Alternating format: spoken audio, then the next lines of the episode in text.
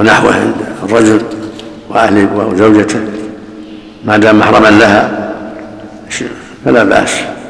أن يجلس معهم في الحجرة التي يبيتون فيها أو في المحل الذي يبيتون فيه وأن هذا لا حرج فيه لأنه توسد عرض وسادة وتوسد النبي والميمونة طولها. وهذا يدل على مثل هذا لا حرج فيه. يبيت الرجل وزوجته وأخوها وعمها في محل واحد. نعم. إذا كان في مصلحة الصلاة أو في أو شيء تدعو الحاجة إليه فلا بأس. يعفى عنه. نعم. حدثنا أبو بكر. لا تكون كثيرة الغالب يعني يسيرة نعم تقدم من صف إلى صف ثم إلى صف آخر إذا دعت الحاجة لا بأس. تقدم ثم انفتحت فرجه وتقدم لا بأس. لأن أمر شرعي. كذلك أمر شرعي أن تصلي واستأذنت عليك امرأتك أو غيرها حبسها عند الباب في مشقة. تكون يتقدم خطوات يفتح الباب. لا حرج. يتحرك إلى سترة يا شيخ. نعم. تقدم إلى سترة. نعم. تقدم إلى سترة تقدم السترة إيه كذلك. ما في بأس. نعم. قدم الجدار أو العمود يصلي خلفه. نعم. نعم. ما يقال هذا أولى أحسن الله إليك؟ نعم. ما يقال هذا أولى. هذا لمصلحة الصلاة من باب أولى. نعم. لمصلحة الصلاة نعم. حدثنا أبو بكر بن أبي شيبة حدثنا غندر عن شعبة حاء وحدثنا ابن المثنى وابن بشار قال حدثنا محمد بن جعفر. حدثنا شعبة عن أبي جمرة قال سمعت ابن عباس رضي الله عنهما يقول كان رسول الله صلى الله عليه وسلم يصلي من الليل ثلاث عشرة ركعة. وحدثنا قتيبة بن سعيد عن مالك بن أنس عن عبد الله بن أبي بكر عن أبيه أن عبد الله بن قيس بن مخرمة أخبره عن زيد بن خالد الجهني رضي الله عنه أنه قال لأرمقن صلاة رسول الله صلى الله عليه وسلم الليلة. فصلى ركعتين خفيفتين ثم صلى ركعتين طويلتين طويلتين طويلتين ثم صلى ركعتين وهما دون اللتين قبلهما. ثم صلى ركعتين وهما دون اللتين قبلهما ثم صلى ركعتين وهما دون اللتين قبلهما ثم صلى ركعتين وهما دون التي اللتين قبلهما ثم أوتر فذلك ثلاث عشرة ركعة. وهذا يبين أنه عد ركعتين الافتتاح من الثلاثة عشر الجميع ثلاثة عشر منها ركعتا الافتتاح. وهكذا جاء في حديث عائشة ذكرت أنه صلى الله عليه وسلم كان يصلي من الليل إحدى عشرة يصلي من كل ثنتين وذكرت في الأربع والأربع لا تسع نفسهن وطولهن ثم يصلي ثلاثة. وفي رواية عنها أنه صلى ثلاثة عشر فلعلها أرادت بالزيادة ركعتي الافتتاح التي ذكرها زيد. نعم. نعم. وحدثني حجاج بن الشاعر حدثني محمد بن جعفر المدائني أبو جعفر. حدثنا ورقاء عن محمد بن المنكدر عن جابر بن عبد الله رضي الله عنهما قال كنت مع رسول الله صلى الله عليه وسلم. الظاهر والله أعلم أنه يعني في السفر. لأن زيد ليس من أهل البيت. يقول لعل شاهد هذا في السفر تهجده في السفر. أو في وقت خاص بات عنده وليس في في عند أهله. المقصود قال تكلم الحسي عليه الشارع النووي. لا ما تكلم. ما تكلم شيء. ما تكلم. الظاهر والله أعلم أنه في السفر نعم. هي الراتبة ما هي بداخل الراتبة تبع العشاء من ابتداء قيام الليل. نعم. يشرع افتتاح صلاة التراويح في رمضان؟ بركعتين خفيفتين لا لا. هذا إذا قام من الليل التهجد. نعم الركعتين الخفيفتان أحسن الله إليك. هل تعد من ال 11 ركعه؟ لا خالد ال 11 أحسن الله إليك. وحدثني حجاج بن الشاعر حدثني لكن مو بن جعفر. وما اوتر الا بوحده ما في بأس. لكن المقصود وتر صلى الله عليه وسلم بأحد عشر غير ركعتين الافتتاح بهما يكون ثلاثة عشر. نعم. وحدثني حجاج بن الشاعر حدثني محمد بن جعفر المدائني أبو جعفر. حدثنا ورقاء عن محمد بن المنكدر عن جابر بن عبد الله رضي الله عنهما قال كنت مع رسول الله صلى الله عليه وسلم في سفر فانتهينا إلى مشرعة فقال ألا تشرع يا جابر؟ قلت بلى. قال فنازل رسول الله صلى الله عليه وسلم وأشرعت. قال ثم ذهب لحاجتي ووضعت له وضوءا. قال فجاء. جا- عن جابر. عن جابر بن عبد الله رضي الله عنهما قال كنت مع رسول الله صلى الله عليه وسلم في سفر فانتهينا إلى مشرعة فقال ألا تشرع يا جابر؟ قلت بلى. قال فنزل رسول الله صلى الله عليه وسلم وأشرعت. قال ثم ذهب لحاجته ووضعت له وضوءا. قال فجاء فتوضأ ثم قام فصلى في ثوب واحد خالف بين طرفيه. فقمت خلفه فأخذني بأذني فجعلني عن يمينه. حدثنا يحيى بن- الشارع. العشرة فأشرع أشرع المشرعة بفتح الراء والشريعة هي الطريق إلى عبور الماء. إيش؟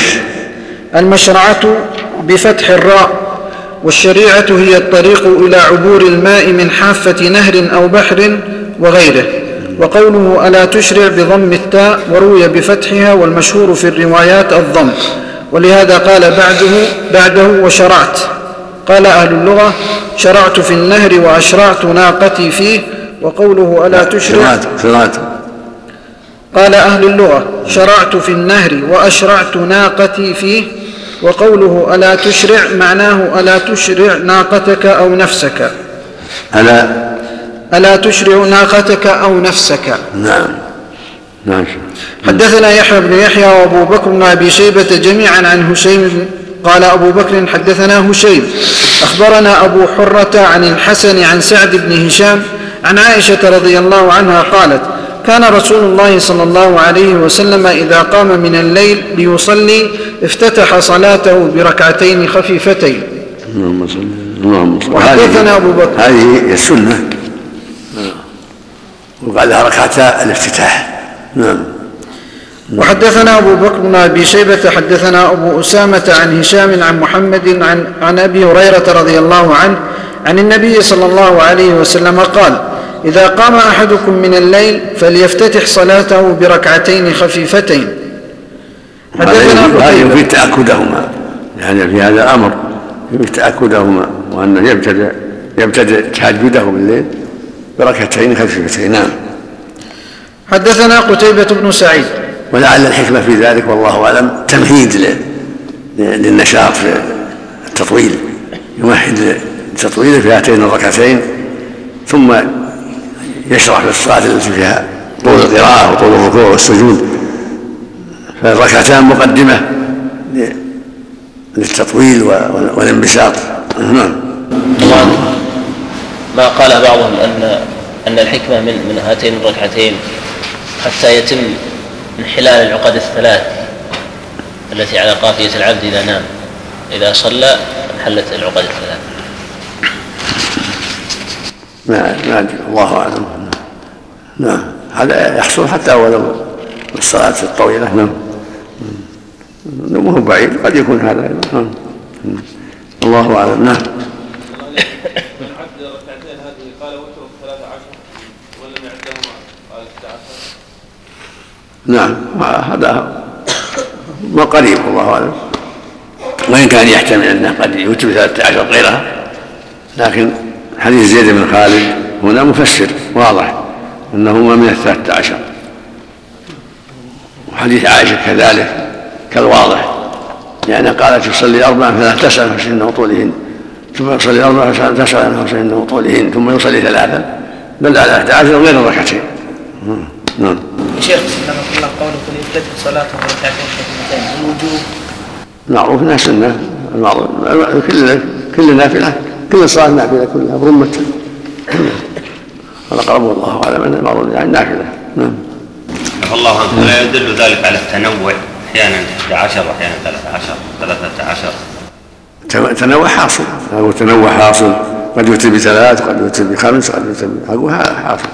الأمر واسع الحمد لله. نعم. صلى الله إليك. على هذا الرواية التي فيها أنه صلى عليه الصلاة والسلام ثلاث عشرة ركعة بعد الركعتين الخفيفتين ظاهر هذا ظاهر في رواية زيد وعائشة هذه. وإن كان في الاحتمال يكون يؤتي 13 طويلات وثنتين قبلها تصير خمسة عشر نعم. لكن هذا صريح لأن ثنتين هي التي كملت ثلاثة عشر. نعم. صحيح زين صريح. نعم.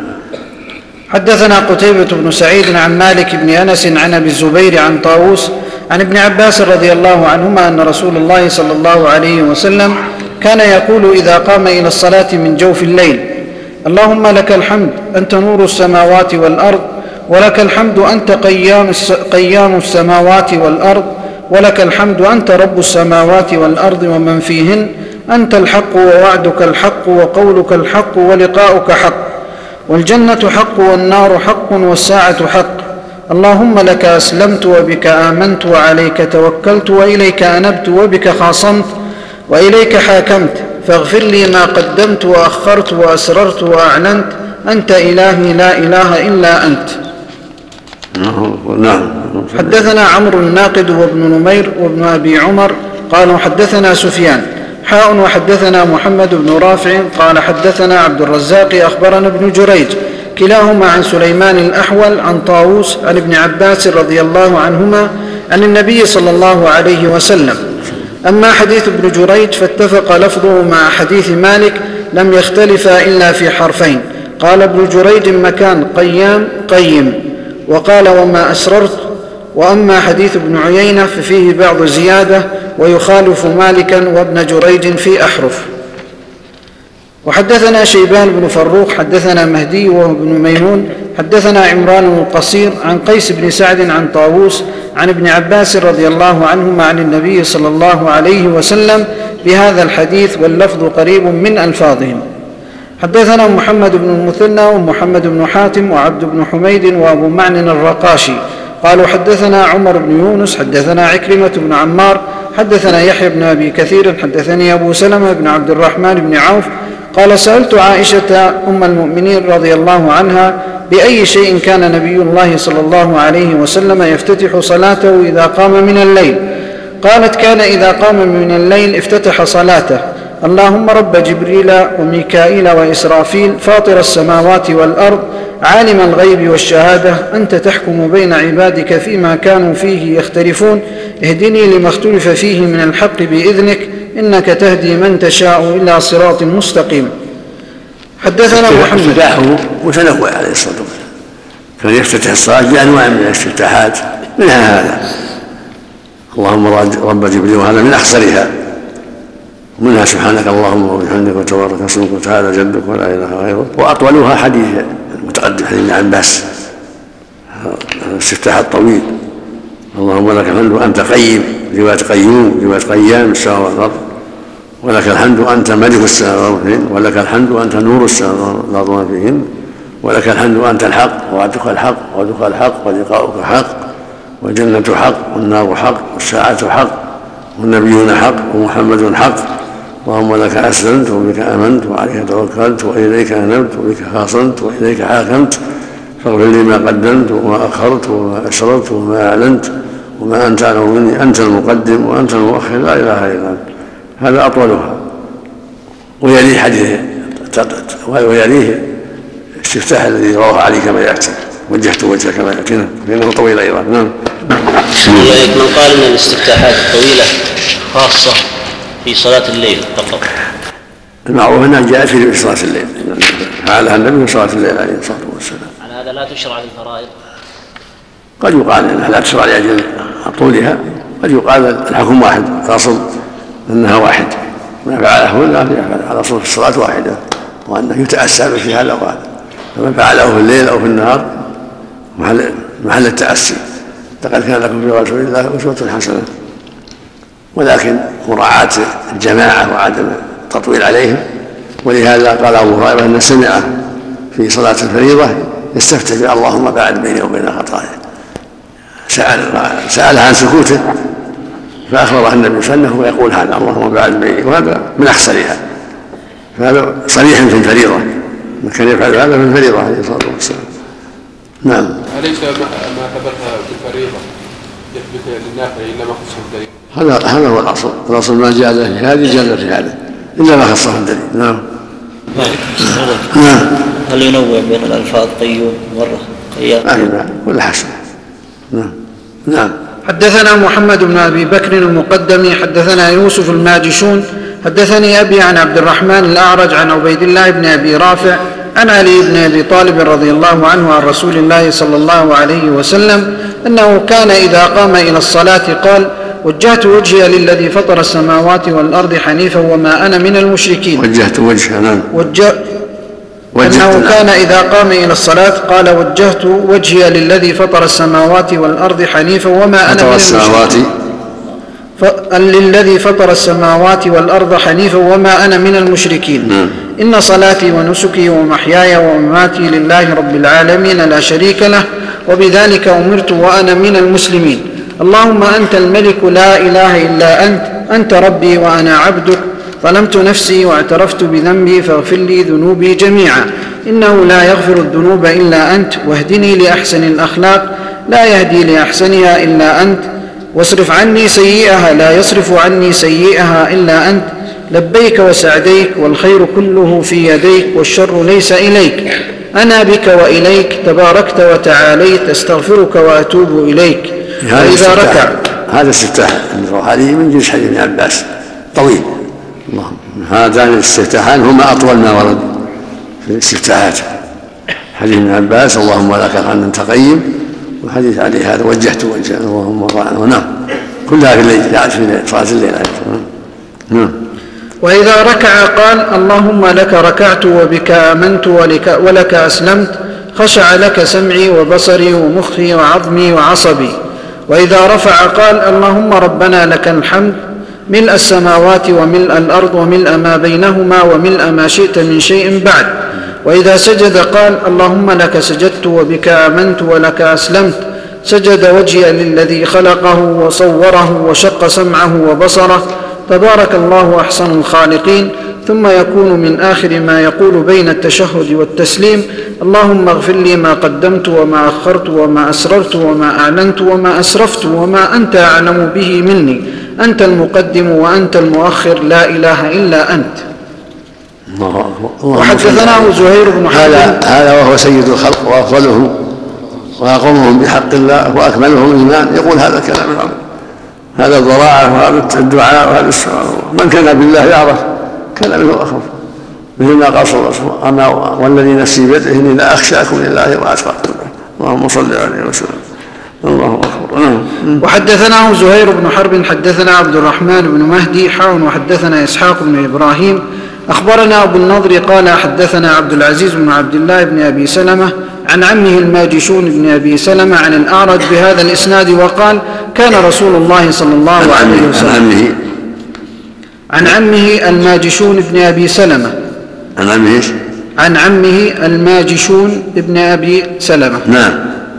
عن الأعرج بهذا الإسناد وقال كان رسول الله صلى الله عليه وسلم إذا استفتح الصلاة كبر ثم قال وجهت وجهي وقال وأنا أول المسلمين وقال وإذا رفع رأسه من الركوع قال سمع الله لمن حمده ربنا ولك الحمد وقال وصوره فأحسن صوره وقال وإذا سلم قال اللهم اغفر لي ما قدمت إلى آخره إلى آخر الحديث. ولم- سلم؟ نعم. سلم؟ نعم. وإذا سلم قال اللهم اغفر لي ما قدمت إلى آخر الحديث. ولم يقل بين التشهد والتسليم. ولم؟ ولم يقل بين التشهد والتسليم. الأول هو المحظور بين التشهد والتسليم. كان في آخر الصلاة. مثل ما في حديث مسعود ثم يتخير من الدعاء عجبه له فيدعو. هذا الدعاء في اخرها مثل ما جاء في احاديث أخرى. وهو أنا أول يصدق عليه صلى الله عليه وسلم هو أول المسلمين من هذه الأمة. أما الواحد منا يقول وأنا من المسلمين ليس بأول فيقول في هذا الذكر وجهت يقول وأنا من المسلمين. نعم أما هو صلى الله عليه وسلم فيصدق عليه ذلك كما أخبر الله عنه لأن أول المسلمين هذه الأمة من أمته عليه الصلاة والسلام. نعم. أحسن الله يجعل هذا آخر ما يدعو به في التشهد؟ نعم. يجعل هذا الدعاء آخر ما يدعو به في التشهد؟ من اخر من آخر الدعاء. لا مشاحة في التقديم والتأخير. نعم. يعني ما يقال هذا الأولى أن يكون هذا هو الآخر ما هو آخر. ما هو لازم نعم. نعم. في حديث سعد بن أبي وقاص كان يقول في آخر التشهد اللهم إني أعوذ من البخل وأعوذ من الجبن وأعوذ بك أن نرد إلى أرض الامر وأعوذ بك من فتنة الدنيا ومن عذاب القبر رواه البخاري في الصحيح. قال كان ذكر سعد يقول في آخر التشهد. نعم. وحدثنا أبو بكر بن أبي شيبة حدثنا عبد الله بن نمير وأبو معاوية حاون وحدثنا زهير بن حرب وإسحاق بن إبراهيم جميعا عن جرير كلهم عن الأعمش. حاون وحدثنا ابن نمير واللفظ له وحدثنا أبي حدثنا الأعمش. عن سعد بن عبيدة عن المستورد بن الأحنف عن صلة بن زفر عن حذيفة رضي الله عنه قال صليت مع النبي صلى الله عليه وسلم ذات ليلة فافتتح البقرة. كفى هذا حديث حذيفه سم اللهم صل اللهم سمع لك الأول خاص بالنبي. نعم. هم الواحد منا يقول وأنا من المسلمين. هو هو أول المسلمين وحدثنا أبو بكر بن أبي شيبة حدثنا عبد الله بن نمير وأبو معاوية حاء وحدثنا زهير بن حرب وإسحاق بن إبراهيم جميعا عن جرير. كلهم عن الأعمش. حاء وحدثنا ابن نمير واللفظ له حدثنا أبي. حدثنا الأعمش عن سعد بن عبيدة عن المستورد بن الأحنف عن صلة بن زفر عن حذيفة رضي الله عنه قال صليت مع النبي صلى الله عليه وسلم ذات ليلة فافتتح البقرة فقلت يركع عند المئة ثم مضى فقلت يصلي بها في ركعة فمضى فقلت يركع بها ثم افتتح النساء فقرأها ثم افتتح آل عمران فقرأها يقرأ مترسلا إذا مر بآية فيها تسبيح سبح وإذا مر بسؤال سأل وإذا مر بتعوذ تعوذ ثم ركع فجعل يقول سبحان ربي العظيم فكان ركوعه نحوا من قيامه ثم قال سمع الله لمن حمده ثم قام طويلا قريبا مما ركع ثم سجد فقال سبحان ربي الأعلى فكان سجوده قريبا من قيامه. قال وفي حديث جرير من الزيادة فقال سمع الله لمن حمده ربنا لك الحمد. وفي هذا من الفوائد شرعية التهجد بالليل وإطالة القراءة في الليل. إذا لم يكن له إذا لم يكن عليه بأس ولا مشقة والوقوف عند كل آية يسأل الرحمة عند آية الرحمة كذكر الجنة يسأل العافية من النار عند عند آيات العذاب.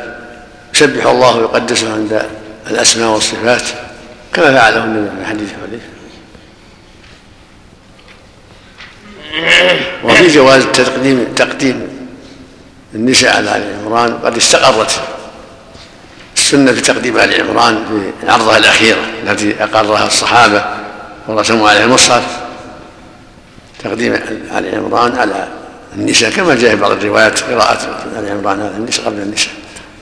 واستقرت السنة على العرضة الأخيرة في ترتيب المصحف على ما هو عليه الآن وفيه من الفوائد منقبة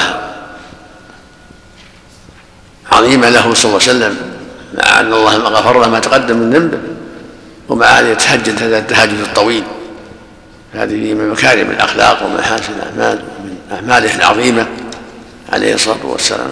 في بعض الأحيان يتهجد هذا التهجد العظيم. وهو القائل عليه الصلاة والسلام أما والله إني لاخشاكم لله وأتقاكم. له لكن استقرت سنته أن السنة ان يصلي وينام. لا لا يحيي الليل.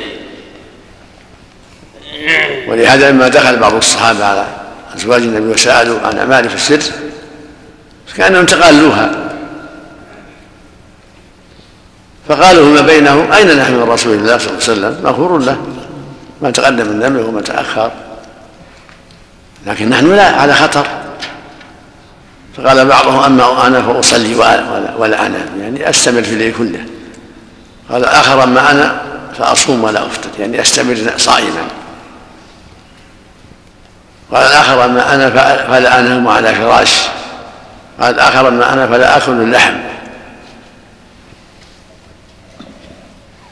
اجتهادا منهم وحرصا على العبادة العظيمة التي يرجون من ورائها السلامة من النار.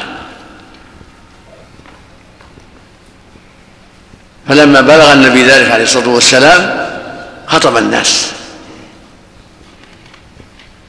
حتى يبين لهم ما في هذا الكلام من الخطورة. خطب الناس. هذه عادة صلى الله عليه وسلم. إذا بلغ أمر مهم خطب الناس حتى يعلمهم. فقال ما بال أقوام؟ ما بال أقوام؟ قالوا كذا وكذا. يعني ما بال رجال؟ قالوا قال أحد أما أنا هو صلي ولا أنام قال الآخر أما أنا فلا أنام على فراش. قال الآخر أما أنا فأصوم ولا أفطر. ثم قال صلى الله عليه وسلم لكني أصلي وأنا. لكني أصلي وأنا. وأصوم وأفطر وأتزوج النساء. فمن رغب عن سنتي فليس مني وقال في أول الخطبة أما والله إني لأخشاكم الله وأتقاكم يعني ولو أن ولو أني مغفور لي. ليس ذلك يوجب التساهل مني؟ لا أنا والله ذكر حلف أنه أخشى الناس الله وأعلمهم بما يتقي. أما والله إني لأخشاكم لله وأتقاكم له في وأعلمكم بما أتقي.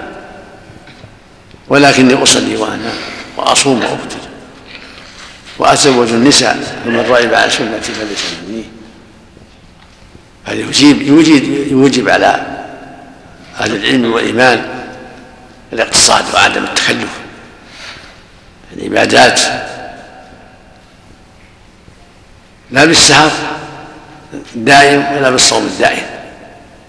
يصلي ما تيسر من الليل بدون مشقة. يصوم بعض الأيام ويفطر.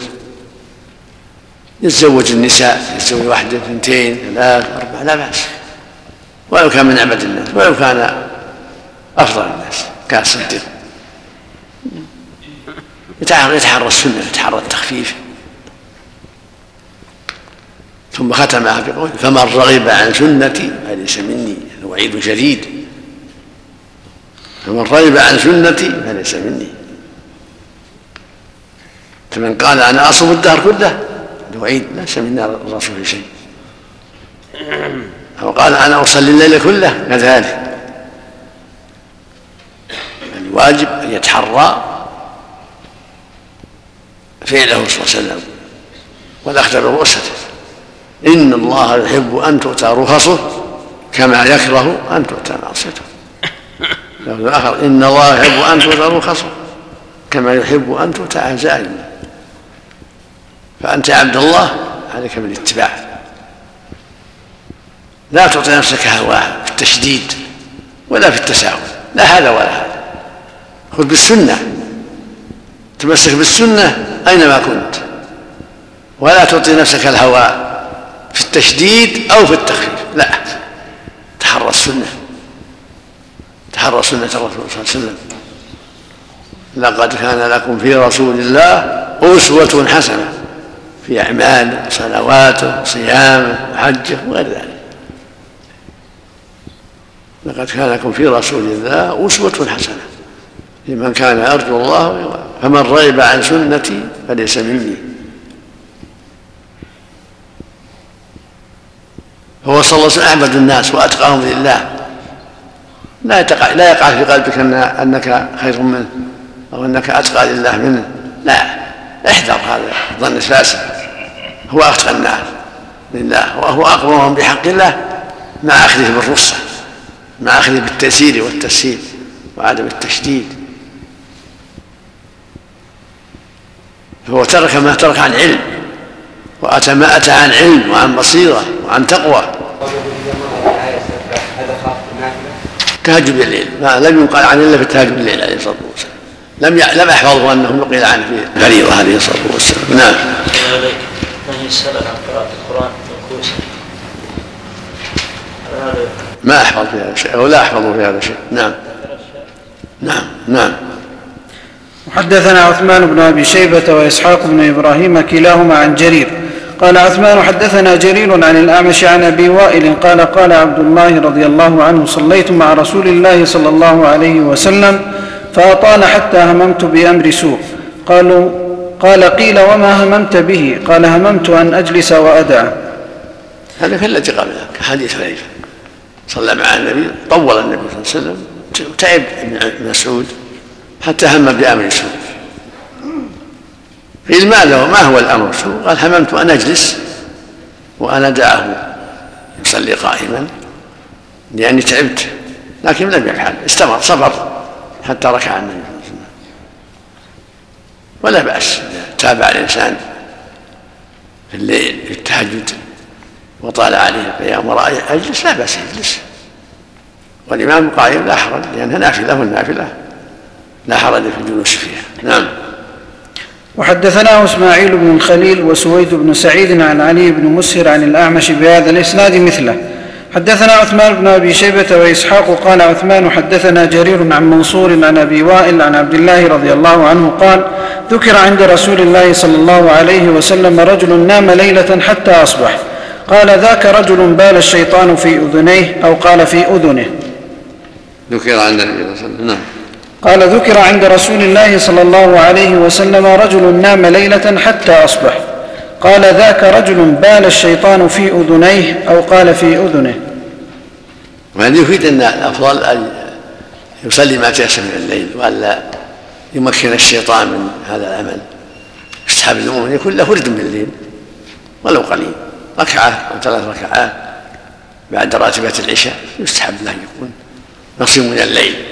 قال تعالى في كتابه العظيم ومن الليل فتهجد بنافلة عسى أن يبارك مقام محمود. وقال عن صفة عباد الرحمن رضي الله عنهم وجعلنا منهم والذين يبيتون ربهم سجدا وقياما. هذه من خصال عباد الرحمن. قال تعالى عن أوليائه تتجافى جنوبهم عن المضاجع. يدعون ربهم خوفا وطمعا ومما رزقناهم ينفقون. فلا تعلم نفس ما أخفي لهم من قرة أعين جزاء بما كانوا يعملون. فيستحب لك ان يكون لك نصيب من الليل. ويقول صلى الله عليه وسلم من خاف أن يقوم من آخر الليل فليوتر أوله. فإن صلاة آخر الليل مشهودة وذلك أفضل. من خاف أن يقوم من الليل فليوتر أوله. ومن طمع أن يقوم آخر الليل فليوتر آخر الليل. فإن صلاة آخر الليل مشهودة وذلك أفضل. وفي الصحيحين أنه اوصى ابا الدرداء بثلاث وصابه هريرة أيضا بثلاث صيام ثلاثة من كل شهر. وركعتي الضحى وأن يوتر قبل النوم. إذا خاف إلا يقوم من آخر الليل يعني كلا. شغل في أول الليل كأبي هريرة كان يدرس الحديث كان يدرس الحديث. فأوصاه النبي أن يوتر في أول الليل.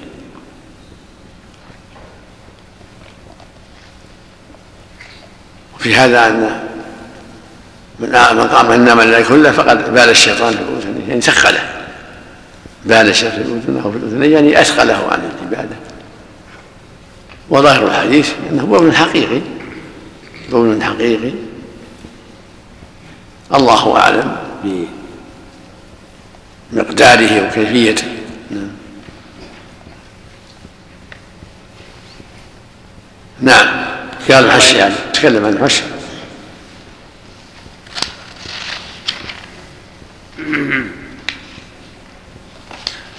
اختلفوا في معناه فقال ابن قتيبة معناه أفسده. يقال اختلفوا في معناه فقال ابن قتيبة معناه أفسده. يقال بال. معناه. أفسده. يقال بال في كذا إذا أفسده. وقال المهلب والطحاوي وآخرون هو استعارة وإشارة إلى انقياده للشيطان وتحكمه فيه وعقده على قافية رأسه عليك ليل طويل وإذلاله له. وقيل معناه استخف به واحتقره واستعلى عليه. يقال لمن استخف بإنسان وخدعه بال في أذنه. وأصل ذلك في دابة تفعل ذلك بالأسد إذلالا له. وقال الحربي معناه ظهر عليه وسخر منه. قال القاضي عياض ولا يبعد أن يكون على ظاهره. قال قال القاضي. ولا يبعد أن يكون على ظاهره. قال وخص الأذن لأنها حاسة الانتباه. أبي هذا؟ شان أبي ذكر الله عليك الأقوال. قال المهلب هو كناية عن كمال تحكم الشيطان فيه والقيادة له. قال ابن قتيبة معناه أفسده. تقول العرب بال في كذا إذا أفسده وأنشد كساع إلى أسد الشرى يستبين أي يطلب إفساده قال القاضي عياض قيل معنى البيت غير هذا وليس هذا مكانه. وقال أبو بكر بن إسحاق معناه استحقره واستعلى عليه. يقال لمن استخف بإنسان بال في أذنه وأصل ذلك أن دابة تتهاون بالأسد فتفعل ذلك به. وذكر صاحب كتاب الحيوان من اليونانيين أنه النمر وإنما وأنه يستطيل في بعض البلدان عليه ويفعل ذلك به ليذله. قال ابن أبي إسحاق ويجوز أن يكون ذلك كناية عن وسوسته. وتزيينه النوم له وأخذه بأذنه وأخذه بسمعه عن سماع نداء الملك. ثلث الليل هل من داع؟ وتحديثه بذلك في أذنه. كالبول لأن, لأن الشيطان نجس خبيث. قال الحربي معناه سخر به ويحتمل أنه كناية عن ضربه عليه في استغراق النوم. وخص الأذن بذلك كقوله تعالى فضربنا على آذانهم في الكهف لأنها الحاسة التي يشبه بها النائم لسماع ما ينبهه. كل هذا تأويل كله تأويل. وللطحاوي في تفسيره مثل ما للمهلب كله تأويل والصواب أنه على ظاهره ولا مانع من ذلك. لا الصواب أنه على ظاهره ولا مانع من ذلك. للتثبيط للتثبيط وتكسيد وكونه لا يحس بذلك لا يلزم أن يحس بذلك. أن يكون بولا بطريقه خاصة يحصل بها التثقيل من دون أن يحس بالرطوبة. قد يكون بوله ريحا هواء يدخل في الأذن يثقلها. المقصود أنه بول حقيقي الله أعلم بكيفيته. ولا يجوز التأويل بل هو بول حقيقة. الله أعلم بكيفية هذا البول هل هو فيه رطوبة ولا يشعر بها أو بول فيه هواء وتثقيل وتثبيط من دون أن يكون هناك رطوبة يشعر بها الشخص. وحدثنا قتيبة بن سعيد حدثنا ليث عن عقيل عن الزهري عن علي بن حسين أن الحسين بن علي حدثه عن علي بن أبي طالب رضي الله عنه أن النبي صلى الله عليه وسلم طرقه وفاطمة فقال أنا تصلون؟ فقلت يا رسول الله إنما أنفسنا ألا تصلون؟ الواو. نعم. فقلت يا رسول الله إنما أنفسنا بيد الله فإذا شاء أن يبعثنا بعثنا. فانصرف رسول الله صلى الله عليه وسلم حين قلت له ذلك ثم سمعته وهو مدبر يضرب فخذه ويقول وكان الإنسان أكثر شيء جدلا. وهذا يبين أن الجواب عليه هو مناسب وهذا إنما بيد الله. ولهذا قال صلى الله عليه وسلم وكان قرأ الآية كان أكثر شيء جدلا. كان الواجب يقول إن شاء الله نسأل الله يعيننا نسأل الله يعيننا على هذا الأمر نسأل الله أن يسهل أمورنا. ادعو لنا يا رسول الله. أما الجواب بأنفسنا بيد الله إن شاء أيقظنا وإن شاء تركنا هو غير مناسب. أن يجاب به من أوقظهم من يقظهم ودعاهم إلى التهجد والقيام. ولهذا انصرف عنهم وهو يقول ويضرب فخذه ويقول صدق الله لو كان الإنسان أكثر شيء جدلا.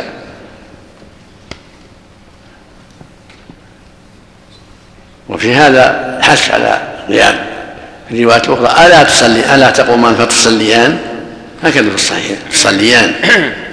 لأن خطاب لهما. ألا تقومان فتصليان فيه الحث على التهجد في الليل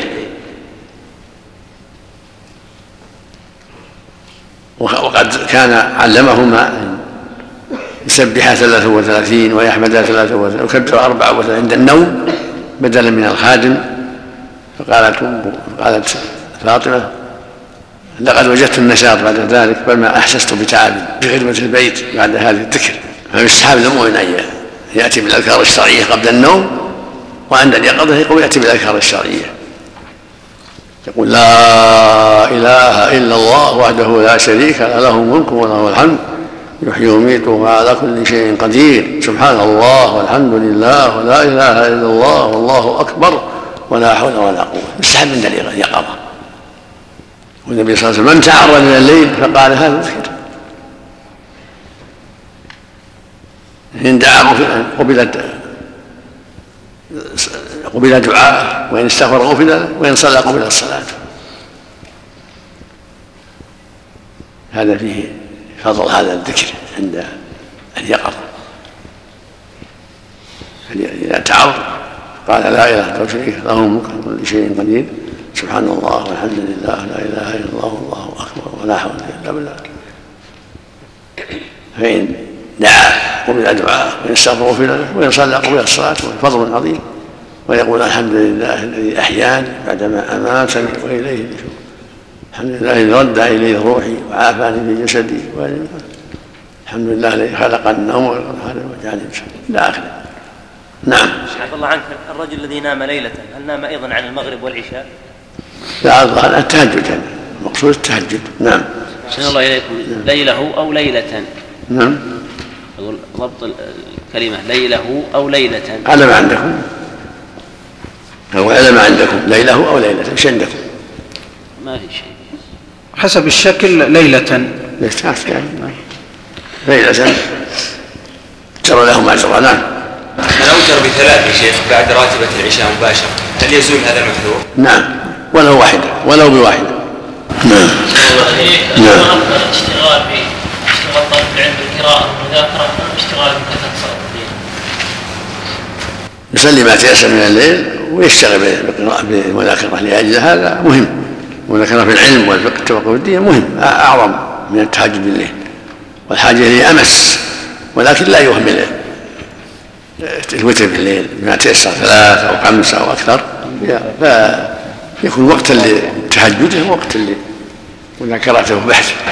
ما معنى قوله عليه الصلاه والسلام من تعارض استيقظ تعالى استيقظ نعم نعم. حدثنا عمرو الناقد وزهير بن حرب قال عمرو حدثنا سفيان بن عيينة عن أبي الزناد عن الأعرج عن أبي هريرة رضي الله عنه يبلغ به النبي صلى الله عليه وسلم يعقد الشيطان على قافية رأس أحدكم ثلاث عقد إذا نام بكل عقدة يضرب عليك ليلا طويلا.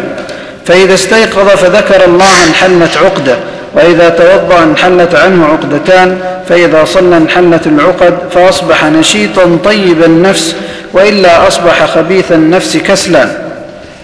هذا حتى على الذكر عند اليقظة ذكر الله والوضوء والصلاة بما تيسر. نعم. اللهم حدثنا محمد. نعم. نعم. نعم حدثنا محمد بن المثنى حدثنا يحيى عن عبيد الله قال أخبرني نافع عن ابن عمر عن النبي صلى الله عليه وسلم قال اجعلوا من صلاتكم في بيوتكم ولا تتخذوها قبورا. وحدثنا ابن المثنى حدثنا عبد الوهاب. على أن يتأكد على المؤمن أن يكون له نصيب يكون لبيته نصيب من صلاته في الليل والنهار. يكون لبيته نصيب الصلاة في الليل والنهار ولا يتخذ بيته كالقبر كالقبور لا يقرأ فيها. اجعلوا من صلاة بيوتكم ولا تتخذوها قبورا. هذا يفيد أن القبور لا يصلى عنده ولا يتخذ محل الصلاة والقراءة. بل يصلي في بيته يقرأ القرآن في بيته. ولهذا قال في أحد الحديث فإن الشيطان يفر من البيت الذي تقرأ فيه البقره هذه يدل على البيوت ينبغي أن يكون لها نصيب من التهجد. نصيب من صلاة النهار نصيب من القراءة والا تهم بمثابه القبور التي لا حظ لها في الصلاة والقراءة.